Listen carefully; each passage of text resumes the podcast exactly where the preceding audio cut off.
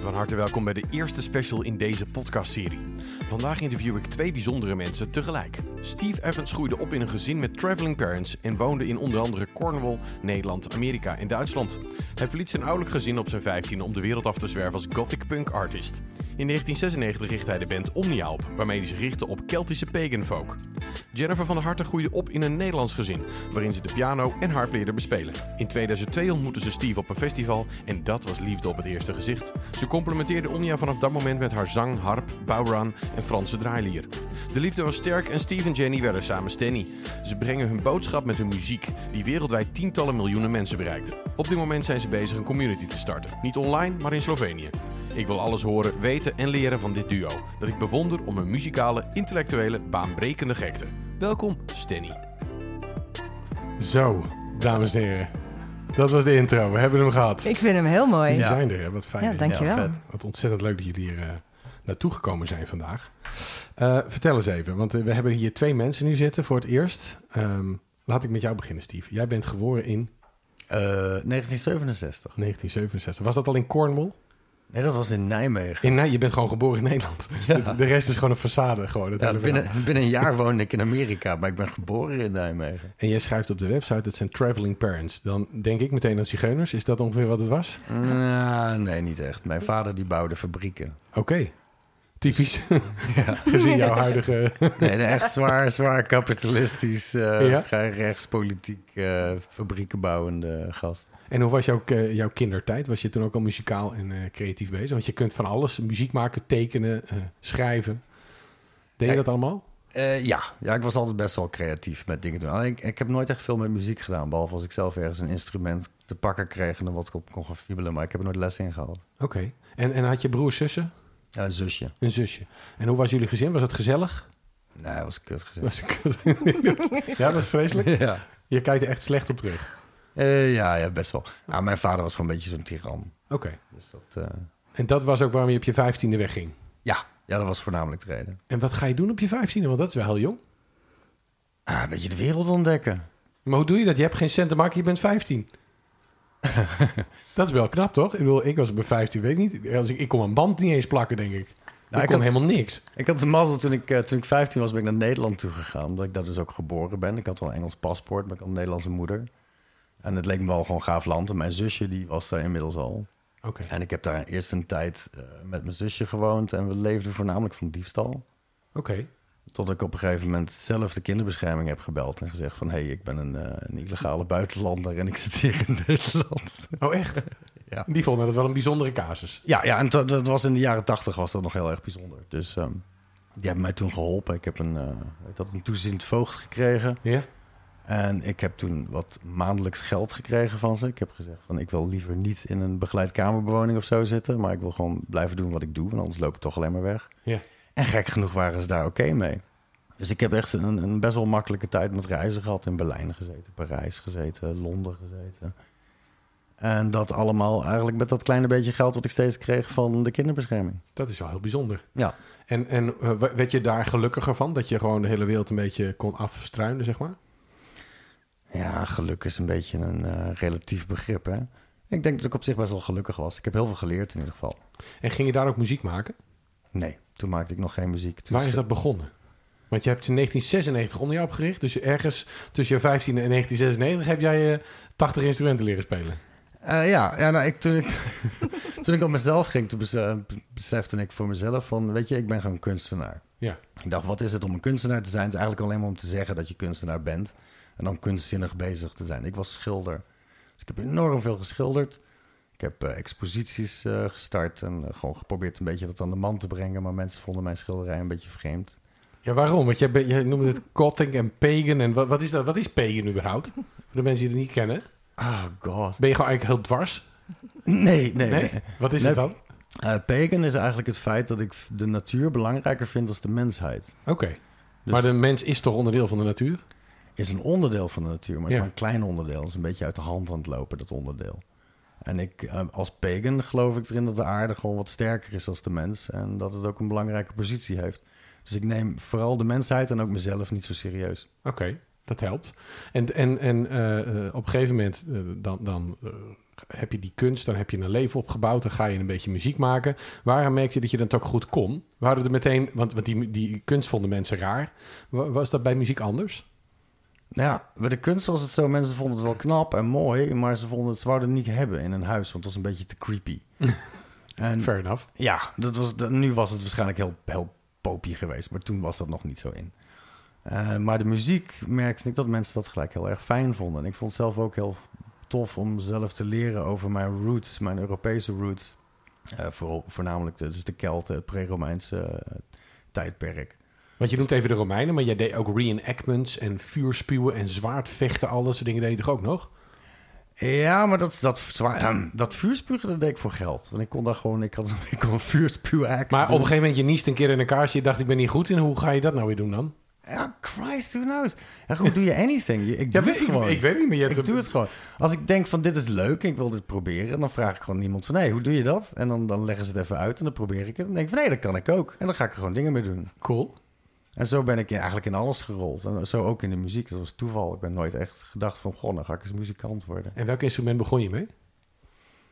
Uh, ik ben begonnen met slagwerk, dus met, uh, met drums, met verschillende soorten percussie. Ja. Maar toen ik echt het serieuzer ging doen, ben ik begonnen met fluit of all things. Ja? Echt, jeetje. Nou, nou, hebben de, de meeste Nederlanders, dat zijn natuurlijk allemaal saaie blanke Nederlanders die hier naar gaan luisteren, over het algemeen. Die, die, zien dan een super nuffige blokfluit voor zich. Maar jij hebt fluiten, uh, uh, onder andere moet je je voorstellen dat er twee fluiten aan elkaar gesmolten zijn. Hè? De, de duo, hoe heet die ding ook weer, Steve? Oh, dat, dat is de, de dubbelfluitje. De dubbelfluit, ja precies. Maar jij speelt ook mooie piccolootjes. Je hebt allemaal uh, de meest gekke fluitjes. Hoe heet dat ding waar je, dat klinkt als een slangenbezweerder? Ik, ik speel eigenlijk iedere soort fluit ter wereld. Precies. Ik heb best wel een verzameling ook van verschillende fluiten. Fluiten zijn eigenlijk dus best wel cool, kwam ik later achter. Ik dacht vroeger dat het alleen maar elektrisch gitaar was. Het cool zou zijn, maar... Fluit Wie hier aan twijfelt, kijk even Vira Huri van uh, Omnia terug op uh, YouTube. Dat, uh, dan ga je er af en een paar voorbij zien komen en dan snap je dat meteen. Dus als jij gepest wordt als kind met een blokfluit, check Steve. ja, want dan ben je gewoon helemaal de man. Ja, moet wel een beetje oefenen, want je kwam er ook niet zomaar, hè? Want die overtone flutes bijvoorbeeld, die jij speelt, dan moet je echt heel veel ademtechniek hebben, toch? Uh, ja. Oké. Maar dat is gewoon door doen. Dat is met alles in het leven. Als je het gewoon doet, dan kan je het op een gegeven moment. Ja, blijkbaar kun jij heel veel dingen die je doet. Maar dat geldt natuurlijk niet voor iedereen, hè? Dat geldt dus, voor uh, iedereen. je was ook wel een beetje getanteerd, dat wil je niet zeggen. Maar, maar wat is talent?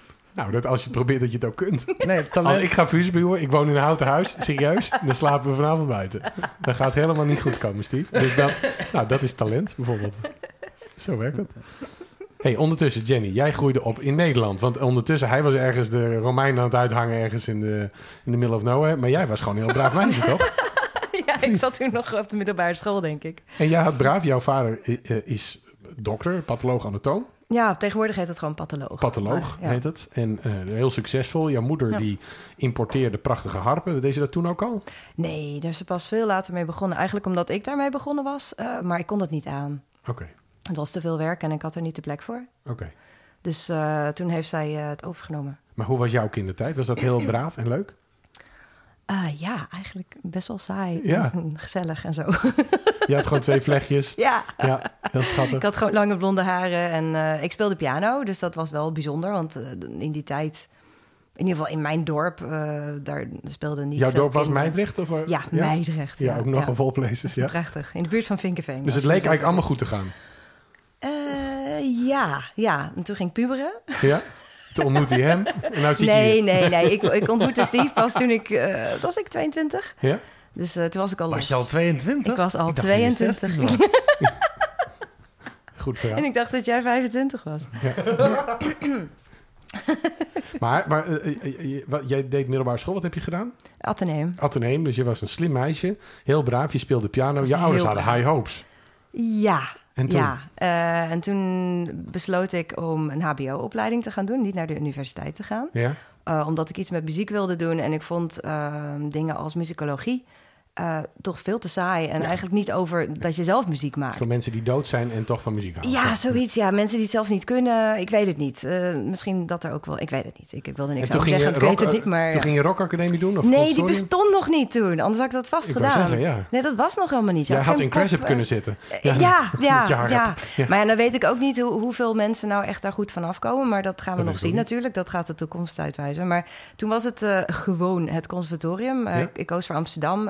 Uh, en dan schoolmuziek. Ja. Omdat dat een eh, brede opleiding is waarin je leert lesgeven. Ja. Ehm, wat natuurlijk altijd nuttig is. Ehm, en je moest meerdere instrumenten bespelen, wat ik deed. En je, je moest ook kunnen zingen, wat ik deed. En het leek me heel leuk. En ze deden veel dingen met wereldmuziek in Amsterdam. Oké. Dat heeft me altijd heel erg aangetrokken. Dus ik heb daar Ja, enorm... wat trok je daarin aan?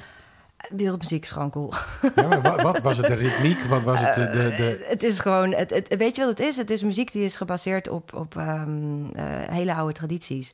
En in Nederland hebben we dat niet meer. Nee. Dat is kwijt. Dat is er vast ooit geweest, maar dat helemaal Nou, kwijt. muziekgebied ken ik ze ook niet in Ja, maar dan heb je het over Behalve 2000 die jaar geleden. Dus, of zo. ja, Ja, maar precies, ja. 2000 jaar heb je het dan over, weet je wel. Ja. Want toen was er hier een, een populatie die we als native kunnen zien. Die zijn toen uiteindelijk uitgeroeid en opgenomen door de, door, door de Romeinen. Maar wij weten niet wat voor muziek zij maakten. En, en daar is Steve al heel lang mee bezig geweest eh, om, om uit te vinden van... ja, we weten een paar dingen die ze hadden en misschien iets over ritmes. En misschien klonk het zo, maar je hebt geen idee. Nee. Ehm, en bij wereldmuziek, dan heb je het dus over eh, indigenous muziek. ehm, eh, en dan, ja, dat, dat zijn zulke oude tradities. En dat is muziek van het land. Dat is dat muziek van de mensen en van het land. dat het echt was. Ja, en je voelt dat het echt was. Als jij gewoon een, ehm, een, een al is het een, een, een samba-band, weet Ja. je wel, wat eigenlijk Ja, ja. redelijk modern is, maar dat is, er zitten heel veel oude dingen in. Dan, dan als je daarin meespeelt, dat is echt awesome. Want je maakt samen, het, het gaat over community, over samen zijn. Alle, alle wereldmuziek is, is niet iets wat één iemand doet. Maar het gaat over dat je het samen doet. Dus eh, ritmes die in elkaar vallen. Pas als je met drie man speelt, hoor je het hele ritme. Ja. Eh, Indonesische gamelan, waarin je melodie ook door drie, vier mensen gespeeld worden. En je speelt maar drie, vier tonen zelf. Ja. En dat klinkt nergens naar. Maar als je het met je buurman het samen doet, dan, dan is het opeens iets. Nou, dat sprak me heel erg aan. Dus dat heb ik gedaan. En toen heb ik een paar hele leuke cursussen gehad in die twee jaar dat ik er was.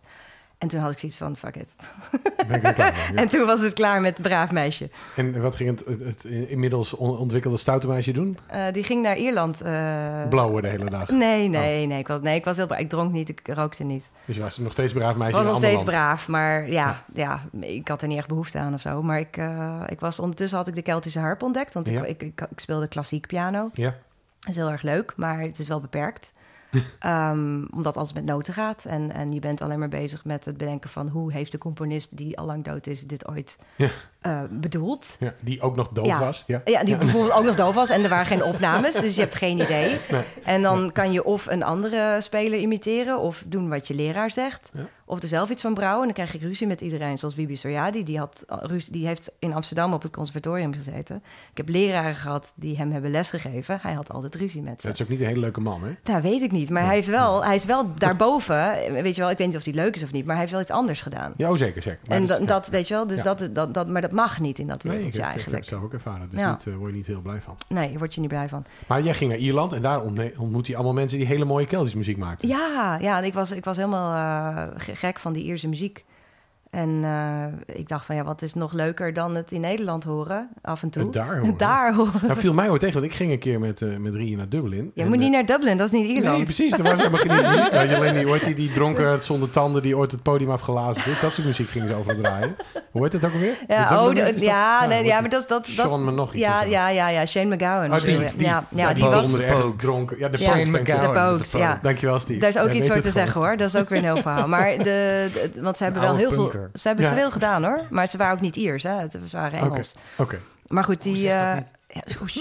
Eh, ja, dus eh, ja, ooit uit Ierland, weet je Ja. wel, maar niet meer.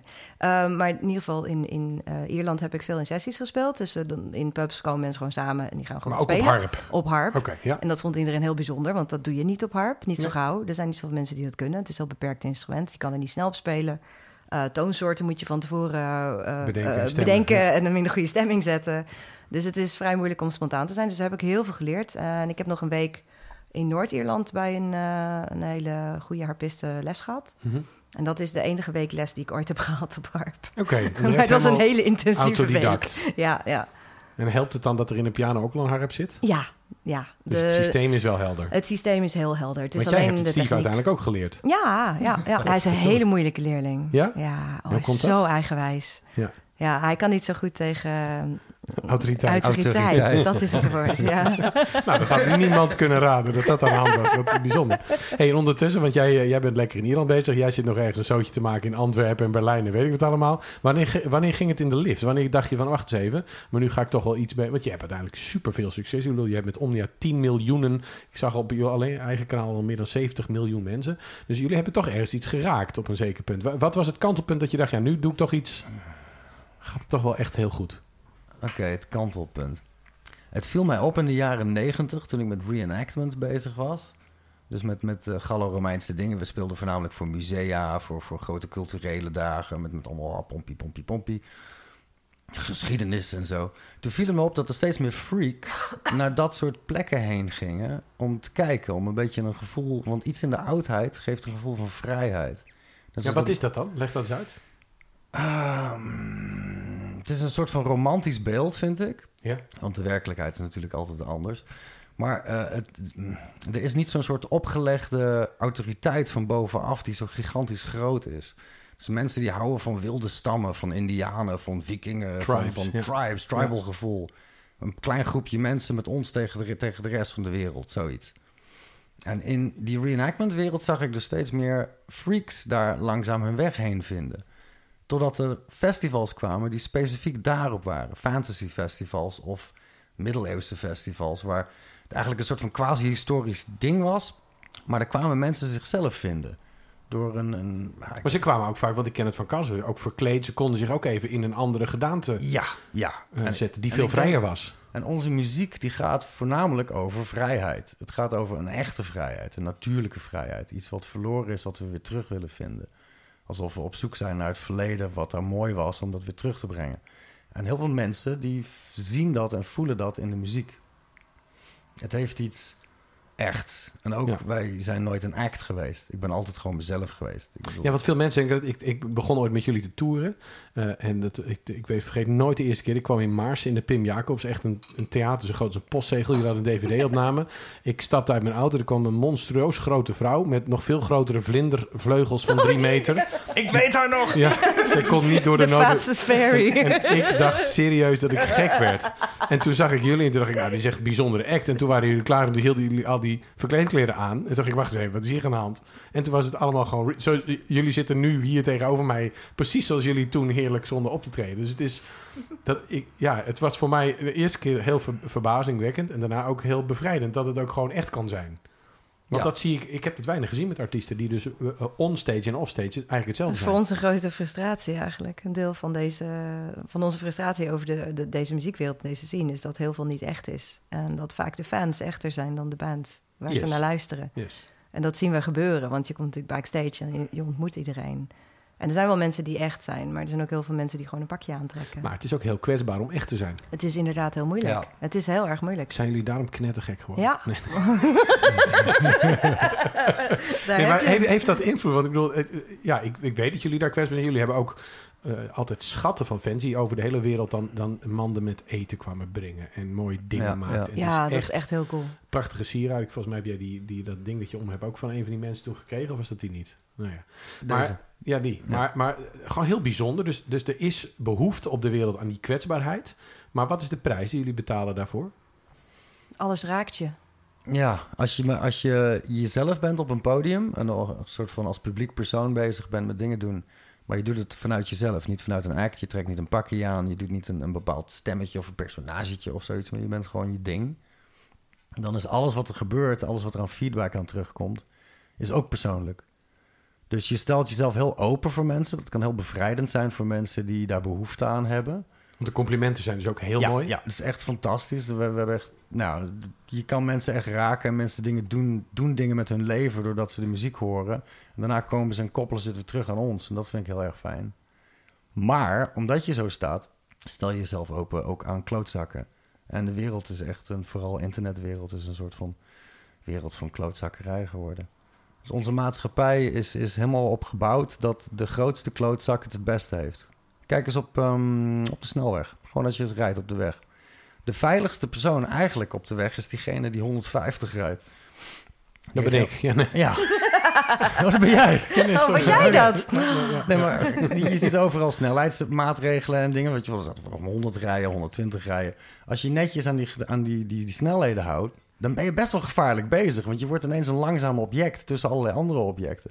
Terwijl de rest van het verkeer gaat gewoon harder. En degene die het allerhardst gaat, die heeft het het makkelijkst.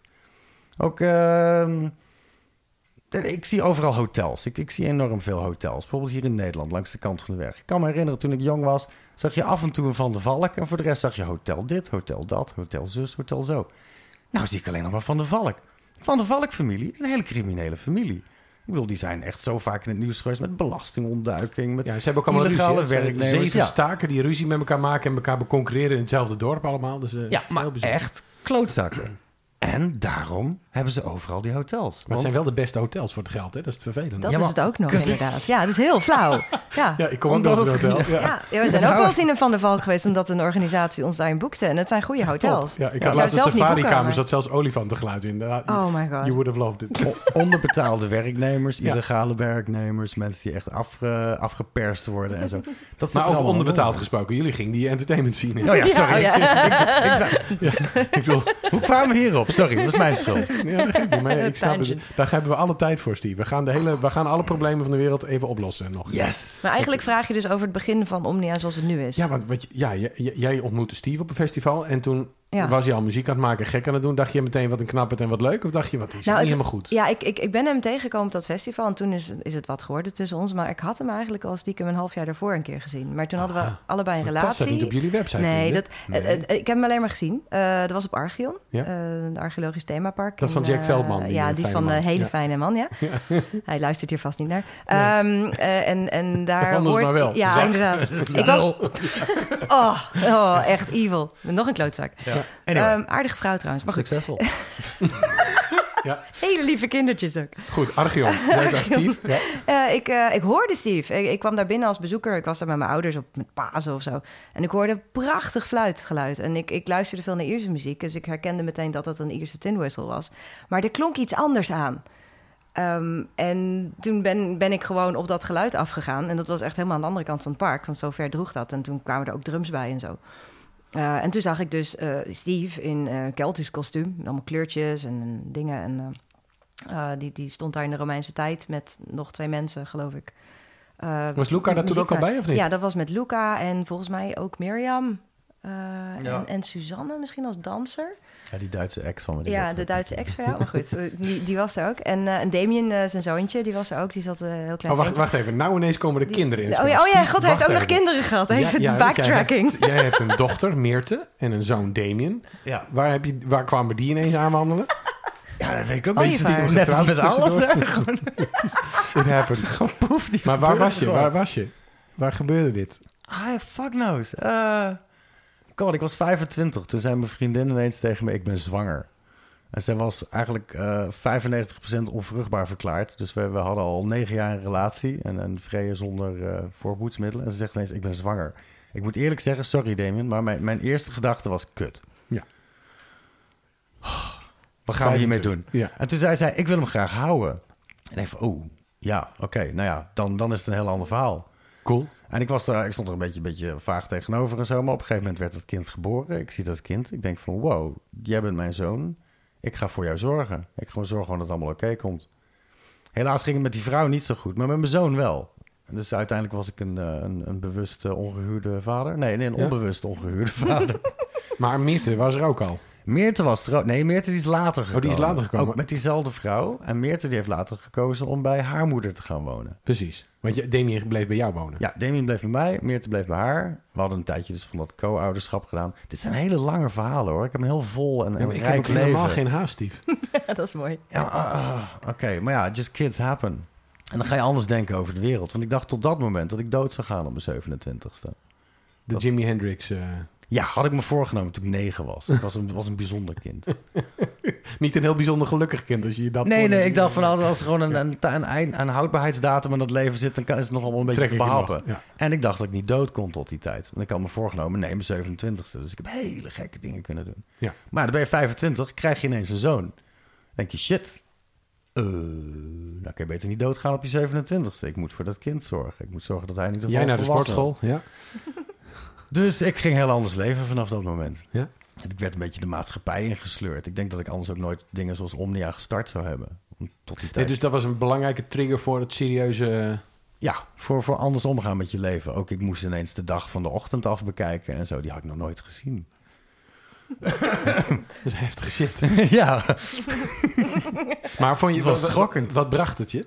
Eh, het bracht me het feit dat ik gewoon eh, vrolijk over straat kon huppelen met mijn kind. En dat mensen daar blij van werden. Terwijl ik daarvoor vrolijk over straat huppelde in mijn eentje. En dan denken mensen van, Jesus, what a fucking freak. Weet je wel? Ja, je wordt ineens... mensen, heb je dat vaak gehoord? Eh, wa- Waren mensen standaard gewoon negatief tegenover die stijl?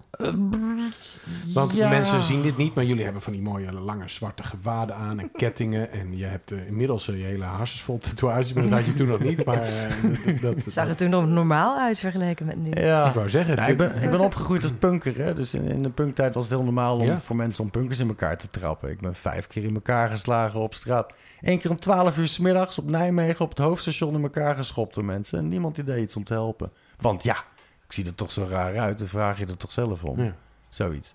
bizar. Ja, bizar. Maar dat gebeurt nu niet meer, toch? Eh, nee, nee, nee. Nou, ja, even afkloppen. Ja, en als je een kind hebt, dan is het een soort van bewijs van... kijk, ik, eh, ik ben... eh, Ja, Ik ben.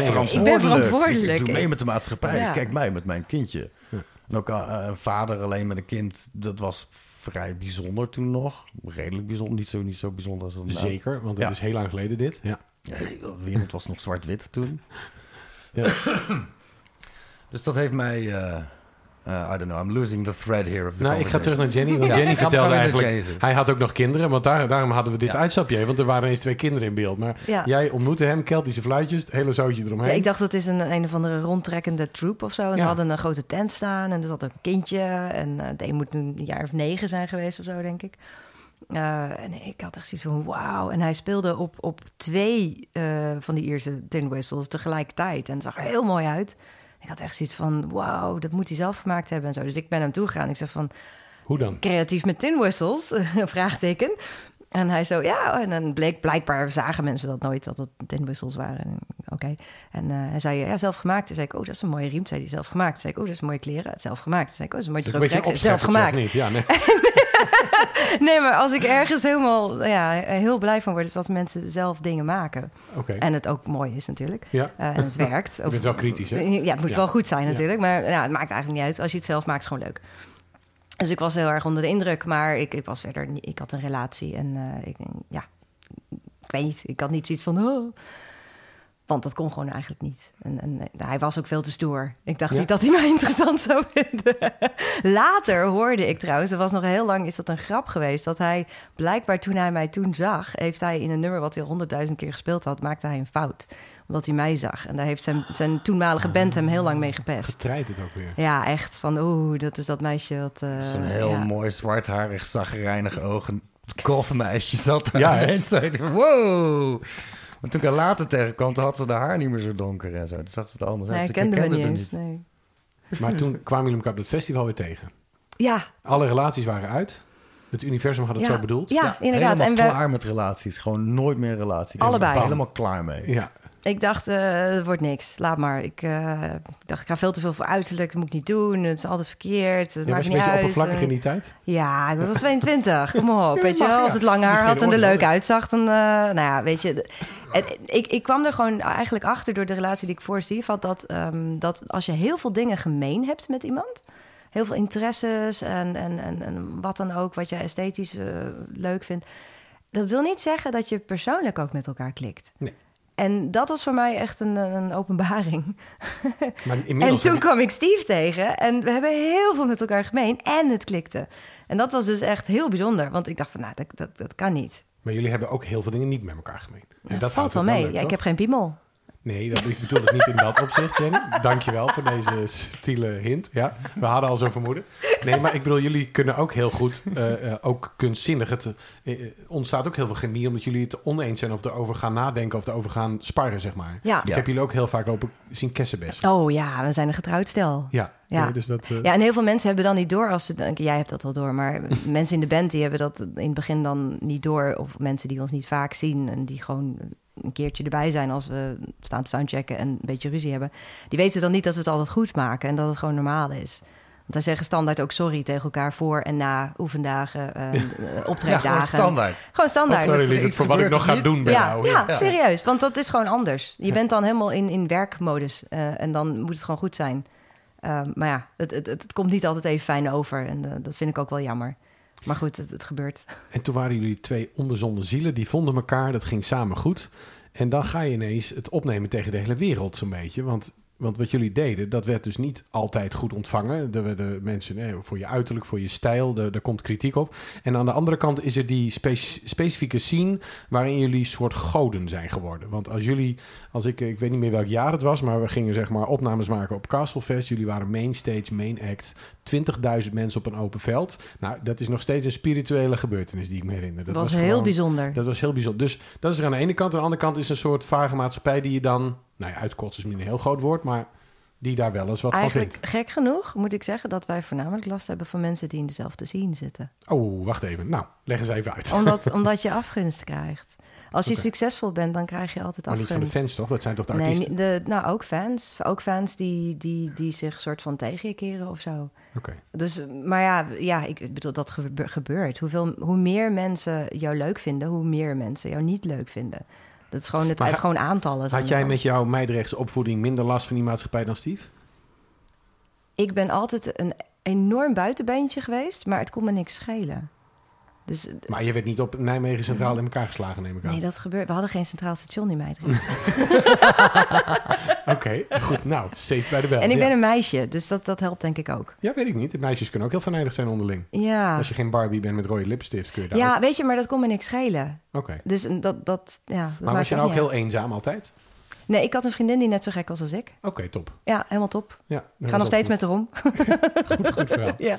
Hey, en en dan, dan ga je met Steve en dan, ga je, dan kom, kom je voor het eerst bij je ouders. En dan is deze bijzondere man die de wereld heeft overgezworven, twee kinderen heeft. Hij Dat- was de ideale schoonzoon. hij was de ideale schoonzoon? Ja. Hoe kwam dit dan? Hoe Ja. heb, wat heb je gedaan? Verbazend, ik snapte er ook niks van. Echt. Hoe kan dat? Mijn gezin is... maar, Ik kom uit een heel artistiek gezin. Ja, Ehm, ik, eh, er zijn meerdere fantastische kunstenaars. eh sommige ook heel erg bekend.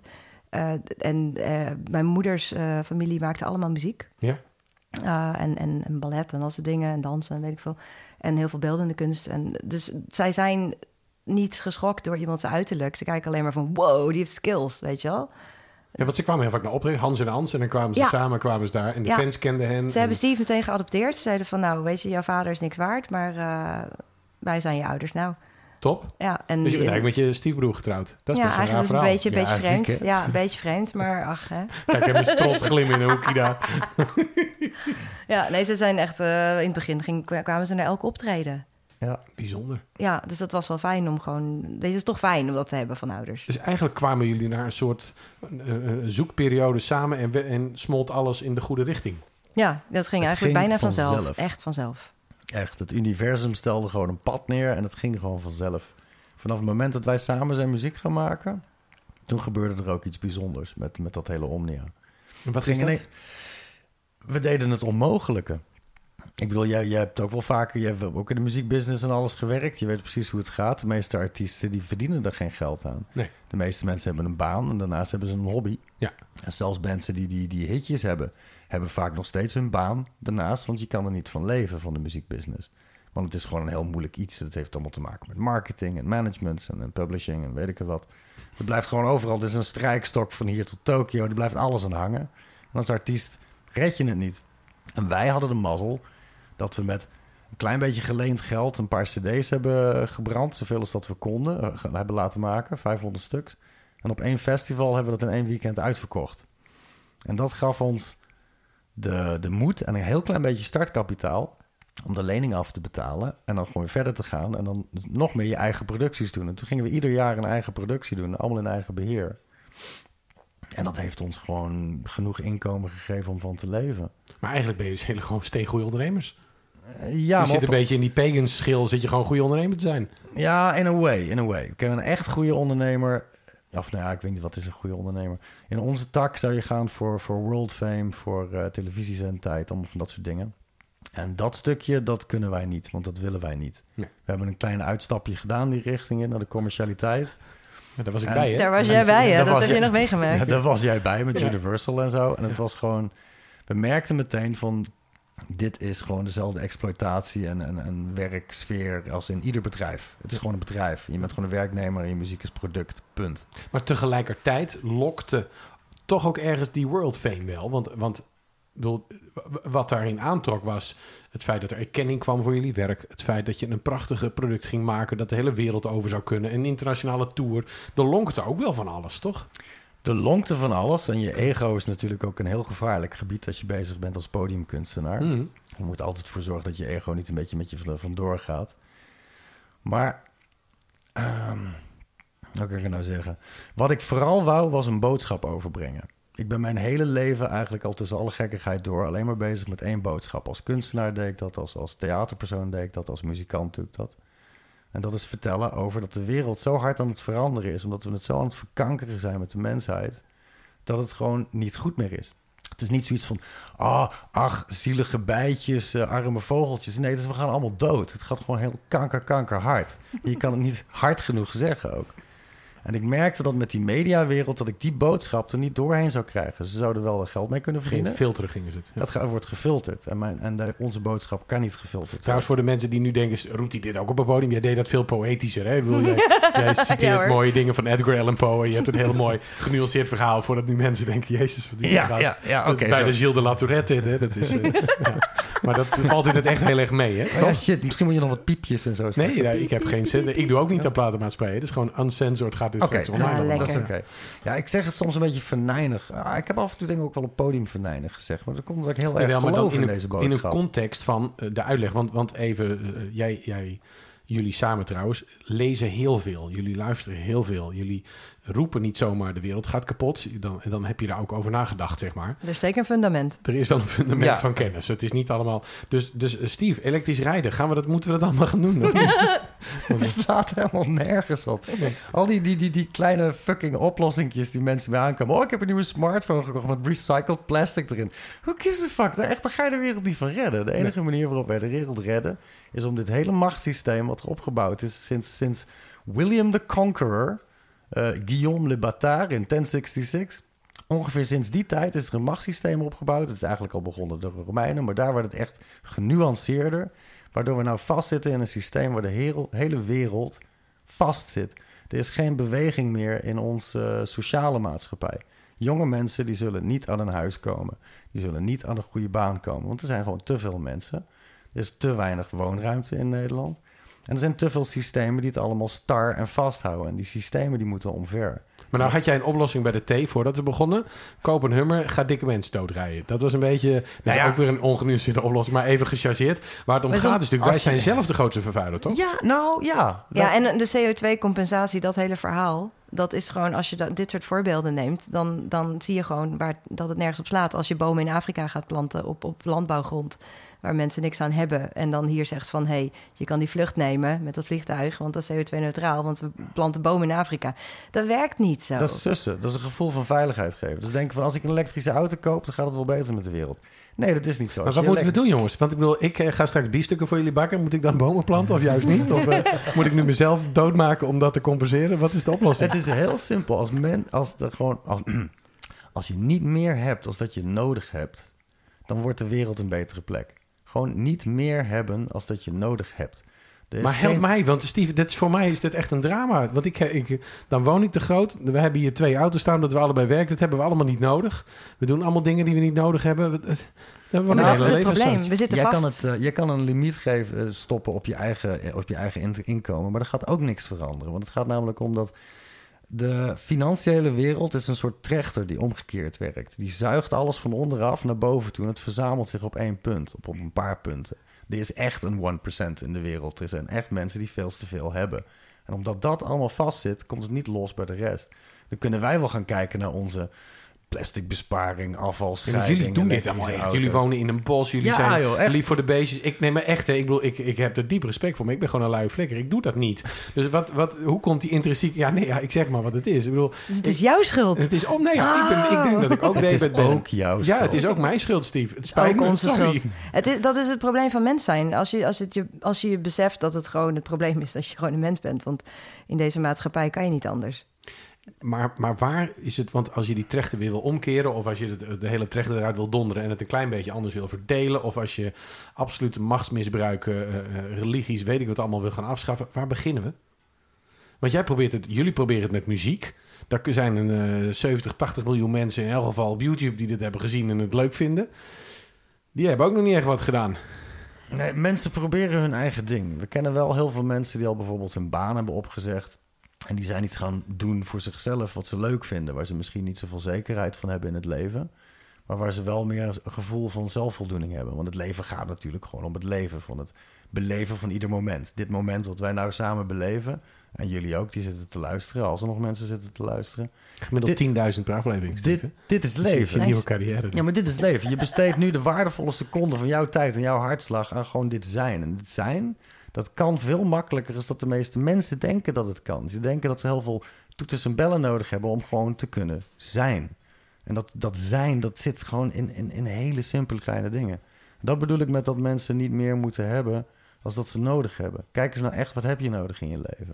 Maar in menselijke interactie, als wij elkaar ontmoeten, wij, wij zijn anders, maar we accepteren elkaar volkomen, onvoorwaardelijk. Er zijn natuurlijk veel mensen die in die interactie onzeker zijn en zich dus graag beter willen voordoen met een Tesla of met een iets anders wat ze nodig hebben om zich zekerder te voelen. Dus is het niet zo dat die interactie ook bepaalt dat als ze zich niet lekker voelen daarin, dat ze dat gaan compenseren? Niet met CO2, maar met spullen. Natuurlijk is het compensatie. Mensen zijn fucking ongelukkig geworden. Niemand heeft meer tijd. Iedereen is constant over inputted. Ze zitten allemaal met... Ik weet niet hoeveel luisteraars nou geen iPhone of smartphone van, een soort, van het een of andere soort hebben. Die ze binnen een meter afstand van zich hebben liggen nu. Of in een broekzak zit. Of, of Er ergens staat in op de vliegtuigstad. Ja, Echt. kijk, kijk, jij hebt beloof een, het. daar ja, ook. Ja, ja.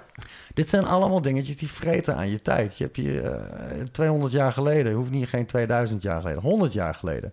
Kon je hier nog door de weilanden heen lopen en er is niks. Je gaat En toen ging je ook dood aan tyfus. Dat viel best wel mee hoeveel mensen doodgingen aan tyfus. Oh. mensen moeten ook af en toe doodgaan aan tyfus. We hebben tyfus nou. Anders zijn er te veel mensen. Ja, is dat het? Is, dat, Ja. is er overbevolking het grootste gevaar? Overbevolking is eh, absoluut... Dus die Chinezen waren zo gek nog niet met die geboortebeperking. Nee, maar dat hebben ze ook veranderd nou. Nou, stuur, nou exporteren ze ze gewoon door de hele wereld heen. Ja. en het ging ook mis omdat ze allemaal een jongetje wilden. Dus dat schoot Ja. ook niet op. Nee, daar wordt het niet leuker van. De mens Nee. heeft geen natuurlijke vijand meer. Alle, ieder systeem werkt gewoon in een balans van verschillende dingen. Niemand is de baas eigenlijk. Ook in de savanne is de, is de leeuw niet de baas. Weet je, dat is ook maar een onderdeel ervan. En alles houdt elkaar in stand. En wij als mens stappen buiten, deze, buiten dit cyclusje. Wij zijn gewoon aan het woekeren. Wij hebben een exponential growth. Dus wij, wij zijn een ramp. wij als volk zijn een ramp, want we reproduceren te snel. Er zijn er te veel Je was ons. 25 begon je met reproduceren. Jij bent een Ja, makkelijk sorry, lullen. maar ik heb er niet voor gekozen. Maar oké, ik heb er niet meer gereproduceerd als dat, ik, als dat ik ben. Ik heb twee kinderen, ik had een vrouw, ik ben mezelf, twee kinderen, twee mensen. Je hebt niet uitgebreid waar in je stand. Ja, Nee. dat hebben we niet verder uitgebreid. Wat een kutsmoes dit, maar goed. Maar mensen worden Nee, ook ik heb geen kinderen. ouder. Hallo. Maar denk eens nou over hoe oud mensen worden nou. Ja. En hoeveel, hoeveel daar ook met die, weer met die, met die welvaartstrechter, hoeveel daar vast blijft zitten bij de alle oude mensen die niet doodgaan. Maar Het het is, klinkt lomp, maar dit is wel hoe, hoe de... Maar de- uiteindelijk gebruiken we gewoon veel te veel grondstoffen. Dat is het grootste probleem. ja. We, maken, we halen alleen maar dingen uit de aarde en, en ja, geven daar en alleen maar vervuiling dingen voor terug. Want jullie hebben een hele mooie eh, clip, I Don't Speak Human. eh, en, en Earth Warrior. En, en dan zie je dingen, dan slaan jullie met hamers de, de logo's kapot van eh, Shell en van eh, Monsanto en al dat soort partijen. Eh, weten mensen hier te weinig over? Weten mensen te weinig over de, de, de, nou ja, de, de, de schade die wordt aangericht? Ja, de multinationals en de, corporations. Ja. Kijk naar buiten, naar het weer. En denk dan nog eens, stel die vraag dan nog eens een keer. Ja, ik vind het top dat we Ja. warme zomers hebben, Steve. Het spijt Ja. me. Ja, ik lekker- rij al jarenlang hè? 120 is het drie puur om dit te krijgen. Dus ik ben echt... Wat die regen die we nu hebben. Oh, die kou. Oh, nou, dat vind ik prima. Dat is allemaal goed geïsoleerd. het, Nee, zou, maar- het zou toch anders moeten zijn. Maar ben jij ervan... Jij bent... eh, want in die klimaatdiscussie, dan zeggen ze... Er zijn allemaal eh, mensen die het allemaal eens zijn. En de ijsberen gaan dood. De ijsberen schijnen helemaal niet dood te gaan trouwens. Die, worden, die zijn uitgebreid vervelend genoeg. Maar eh, heeft de mens de grootste impact? Of is de wereld ook gewoon veel sterker? Want jij zei in het begin, de, de wereld is sterker dan de mensheid. Ja, is die ook. Ik bedoel, de wereld zal niet vergaan. Nee. Het leven zal ook niet vergaan. Het gaat, Nee. krijgt alleen een andere vorm. Het is net zoals dat... Ik heb een keer een hele goede eh, oceanoloog eh, gehoord over het feit... Van dat er zoveel aan het afsterven is in de oceanen. Ook met de koralen en verschillende visstanden en zo. En die zegt van, nou... En toen vroeg de interviewer hem... Gaat het leven in de oceaan dan dood? En die man zegt, nee, nee, nee, tuurlijk niet. Het leven in de oceaan gaat niet dood. Er zal altijd leven in de oceaan zijn. Maar misschien is het wel slijm. Weet je wat? Het is miljoenen jaren lang gewoon slijm geweest. Het is ook leven. Gewoon wat je nu ziet om je heen, dat gaat dood. Er staan nu echt miljoenen species op het punt van, van extinction. Op dit moment. Miljoenen. Dus met, met al de bugs en alle verschillende dingen bij elkaar gerekend. Dat is niet niks. Dat, dat is En er like- zijn er ook al miljoenen dood. Ja. Maar dat is nog nooit in zo'n korte tijd gebeurd. Nee. Wij, wij zijn een soort van eh, iets langzamere meteoorinslag. In plaats- Zo'n meteoorinslag niet zo van bam, instantaneously... maar dit is een meteoorinslag van boah, 40.000 jaar. En dan spreidt het gewoon wamp.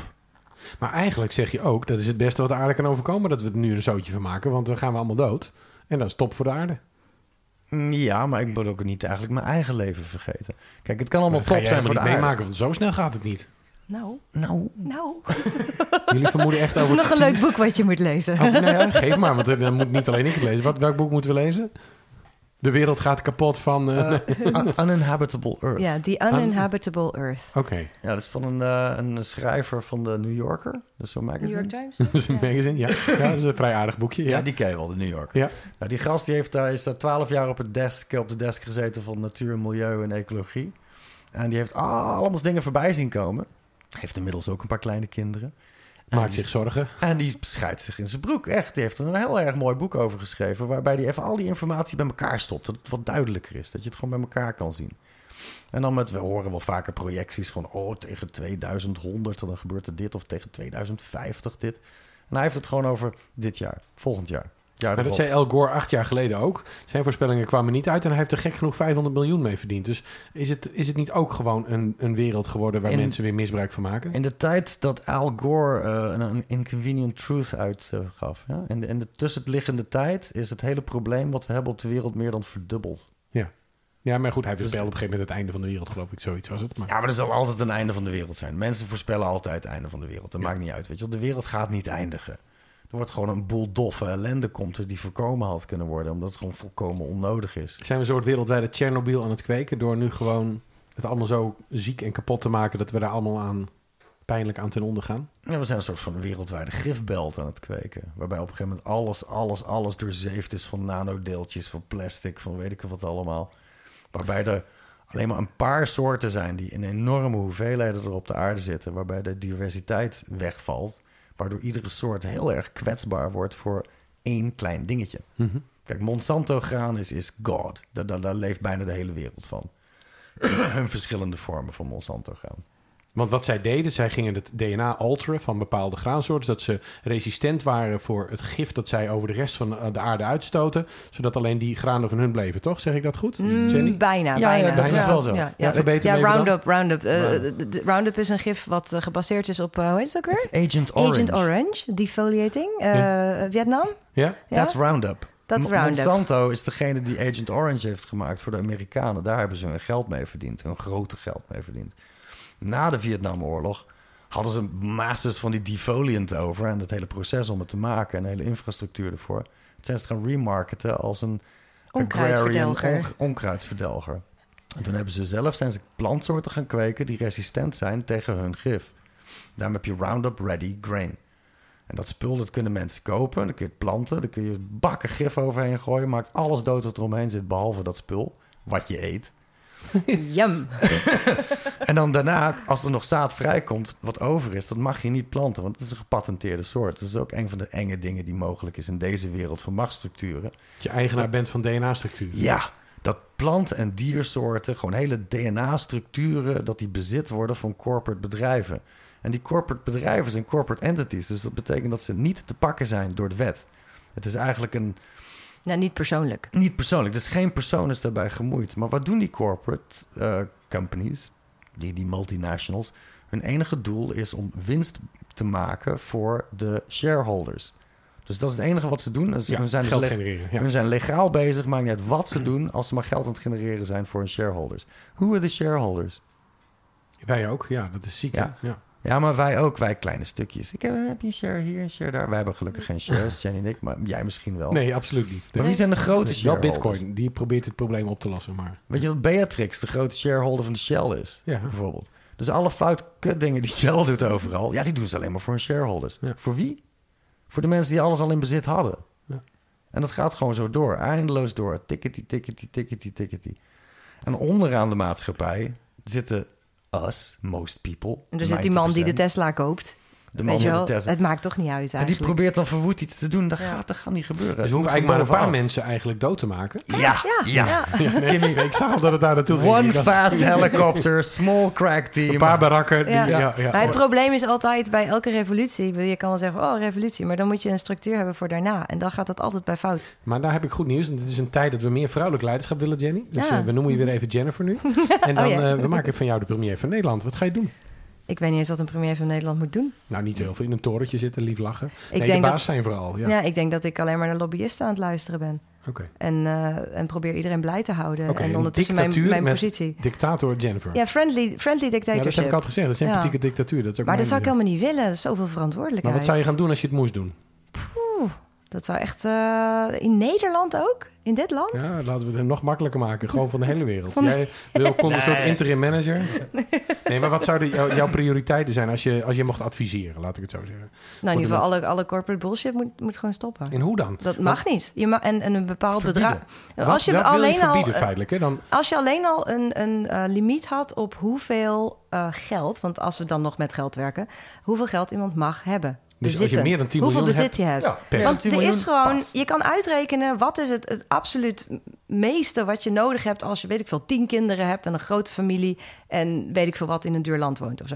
nou, er was en- hier een stiekeme dokter die had 80 kinderen. Dus laten we die maar eens even als voorbeeld Oh, oké, nemen, hè? ja, 80 perfect. kinderen. Ja, maar 80 10 miljoen kinderen, redt hij nog steeds wel. Ja, moet ja. kunnen, moet kunnen, toch? Want Ja. nou, weet je, aan meer word je ook niet blij. Dat weet jij ook uit, uit de psychologie. Je wordt niet, niet blij van meer Hij heeft meer dan 10 miljoen. Arvid heeft meer dan 10 Ja, miljoen. ze vreemd was vast, dat vast. waar. Ja, Nog steeds nee, deed Nee, maar ik heb wel maar heel hij heeft klanten die Ik heb klanten die dat wel hebben. Ja, dus, inderdaad. dus hij, weet dat je daar niet blij van wordt. Die zijn soms wel blij, maar niet daarvan in elk geval. Nee, nee. Eh, en ook daar geldt wel een iets andere grens. Maar, maar de, er zijn natuurlijk mensen die hebben miljarden. En die zitten dan ergens in hoe heet het, Monaco op een jacht van 150 meter. ja. eh, eh, 80 En dan? liter brandstof per minuut te verbranden.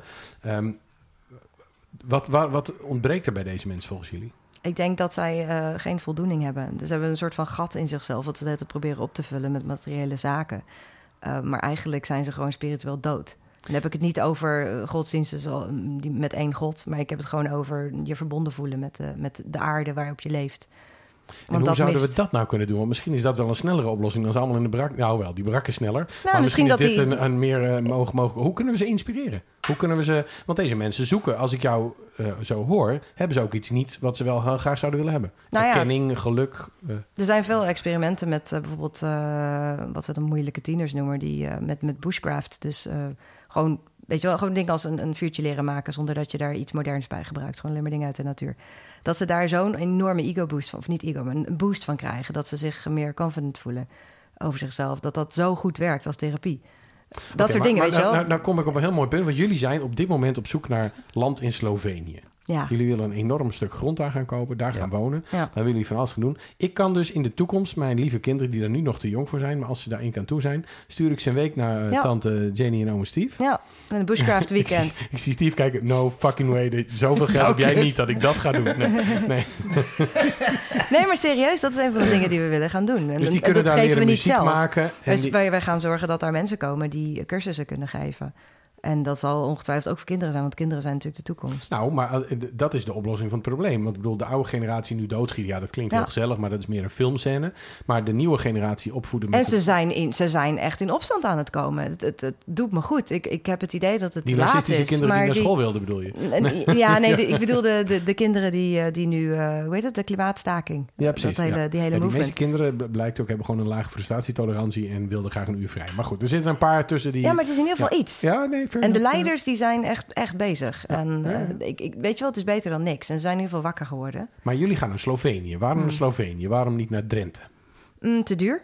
Nederland is eh, punt 1 te duur voor ons. Dan hebben we niet dat geld. Eh, punt 2, dus veel te weinig natuur. Er is natuurlijk wel natuur, maar niet, geen, geen biodiversiteit zoals je dat zou moeten hebben. Er wonen hier heel veel mensen. Eh, er zijn overal snelwegen. Er is geen plek in Nederland waar je geen snelweg hoort. Ehm, en eh, het is gewoon niet onze mentaliteit. En Steve is natuurlijk sowieso al een wereldburger. Ik heb zoveel gereisd in mijn leven. Ik voel me niet, ik heb me nooit een Nederlander gevoeld. Ik heb me altijd een buitenbeentje gevoeld. En eh, wij merkten dat als wij in andere landen kwamen, al, al is het de fucking Caribbean, daar voelden we ons meer thuis dan in Nederland. Terwijl het echt alien is. Ehm, en in, in Slavische landen voelen wij ons ook heel erg thuis. Hoe komt dat? Wat is dat? De mensen zijn gewoon echter. En natuurlijk zijn er ook klootzakken, die heb je overal. Maar ze hebben, een, een, eh, ze hebben meer eh, saamhorigheid. Ja.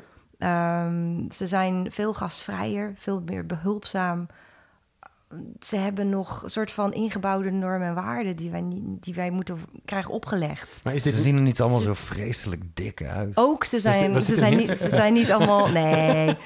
Nee, echt, echt obese. Oh, als je in Duitsland komt, want we hebben eerst in Ja. Duitsland gekeken. En dat, dat is een mooi land, er zijn veel bossen nog en zo. Ja, zeker.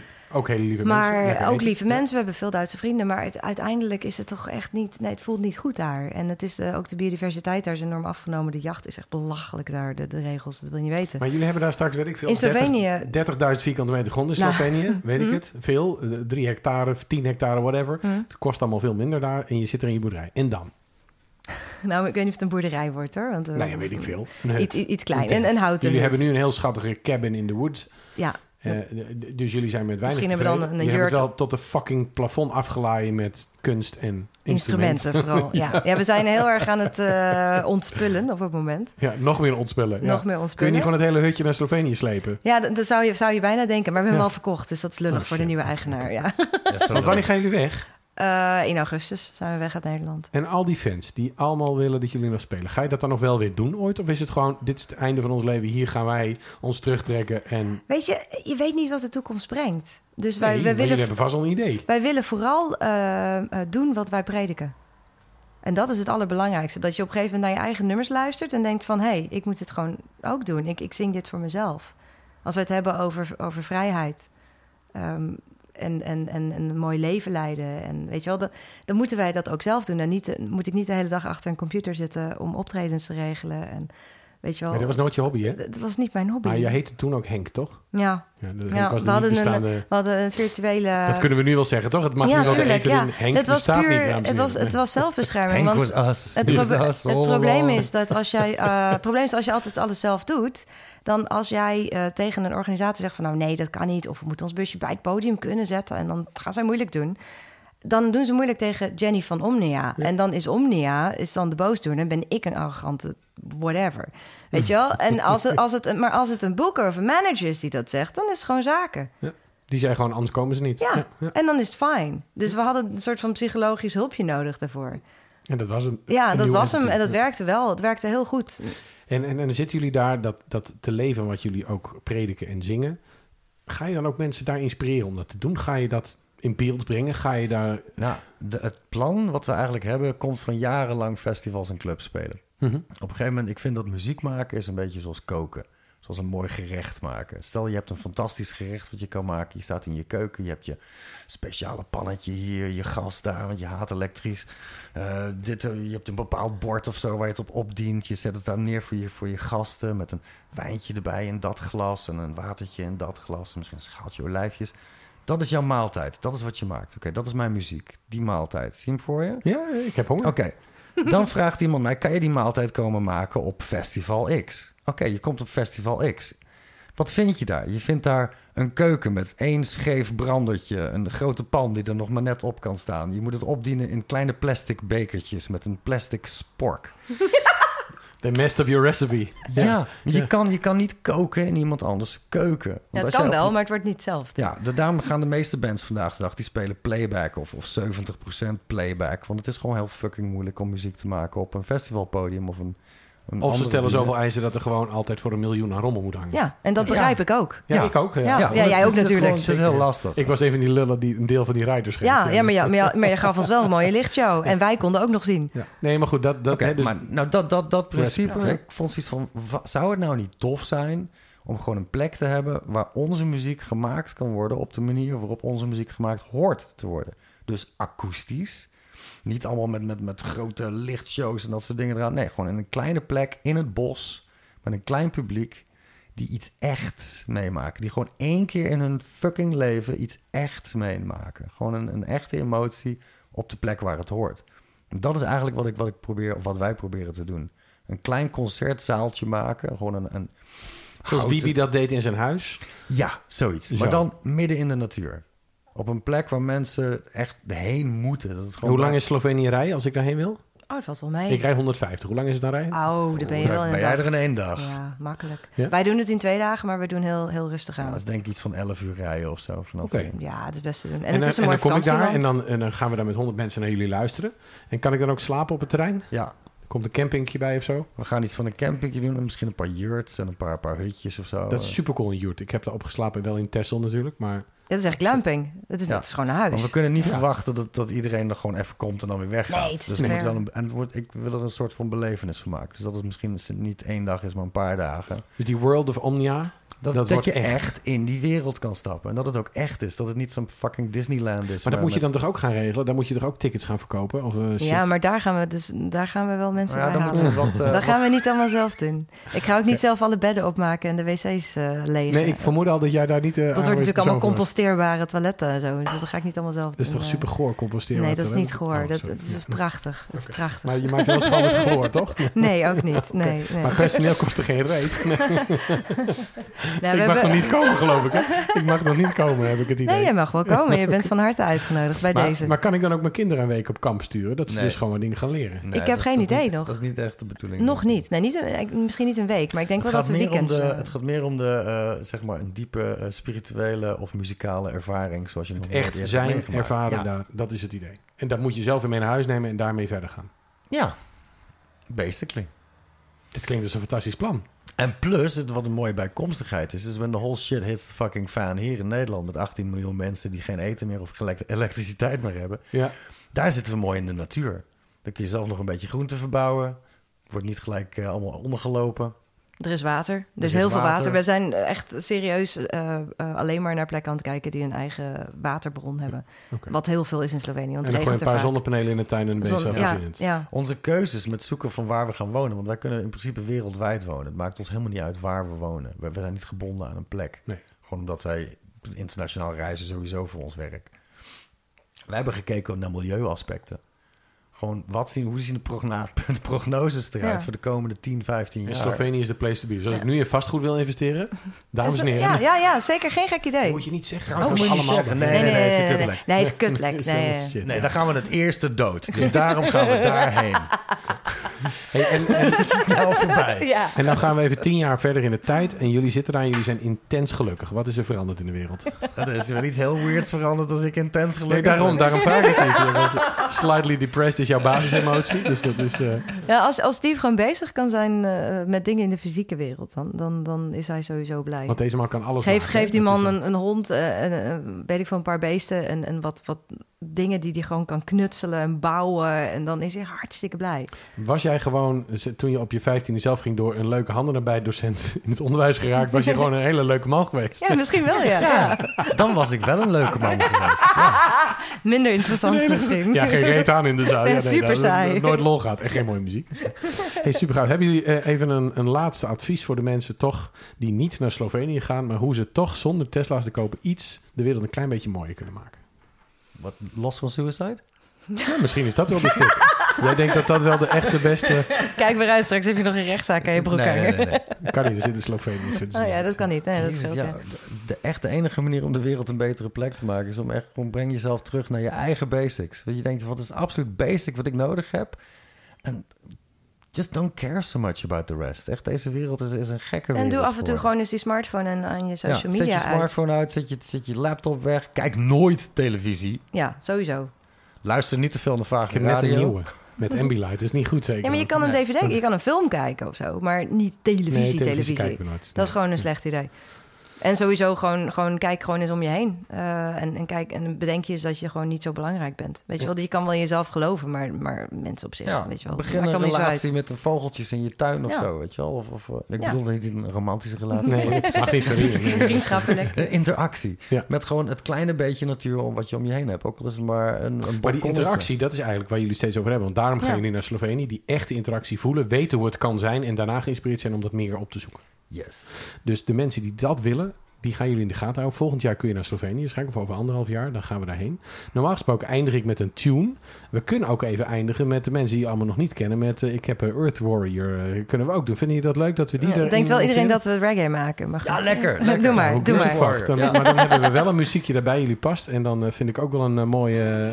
oh, ondertussen gaat de metronoom van Logic ook meteen aan... dat ik ergens iets aanraak, zeg maar. Oh, dat is handig. Maar dan, dan mag ik jullie ontzettend bedanken. Want ik vond het heel erg leuk gesprek. Jij bedankt me. ja, tot de volgende. En dames en heren, zien jullie over in Slovenië, denk ik. Bye. So if you feel like I feel the love of the earth, well, you can be an earth warrior too. Cause I'm a warrior. How about you?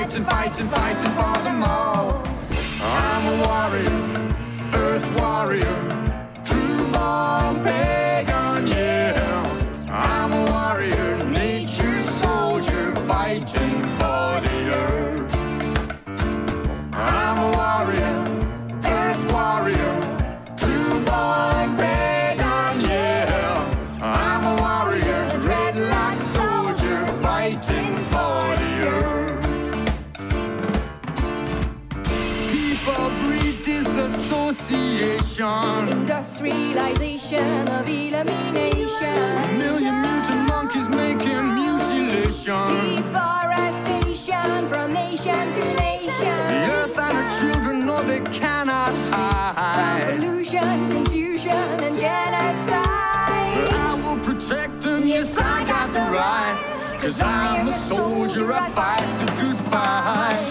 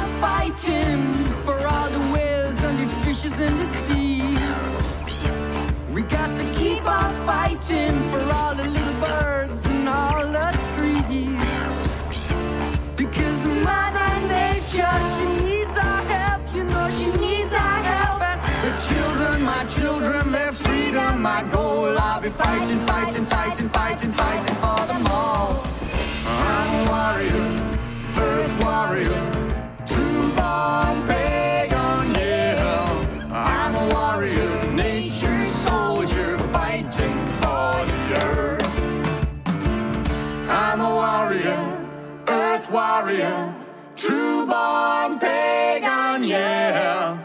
I'm a warrior, dreadlock soldier, fighting for the earth.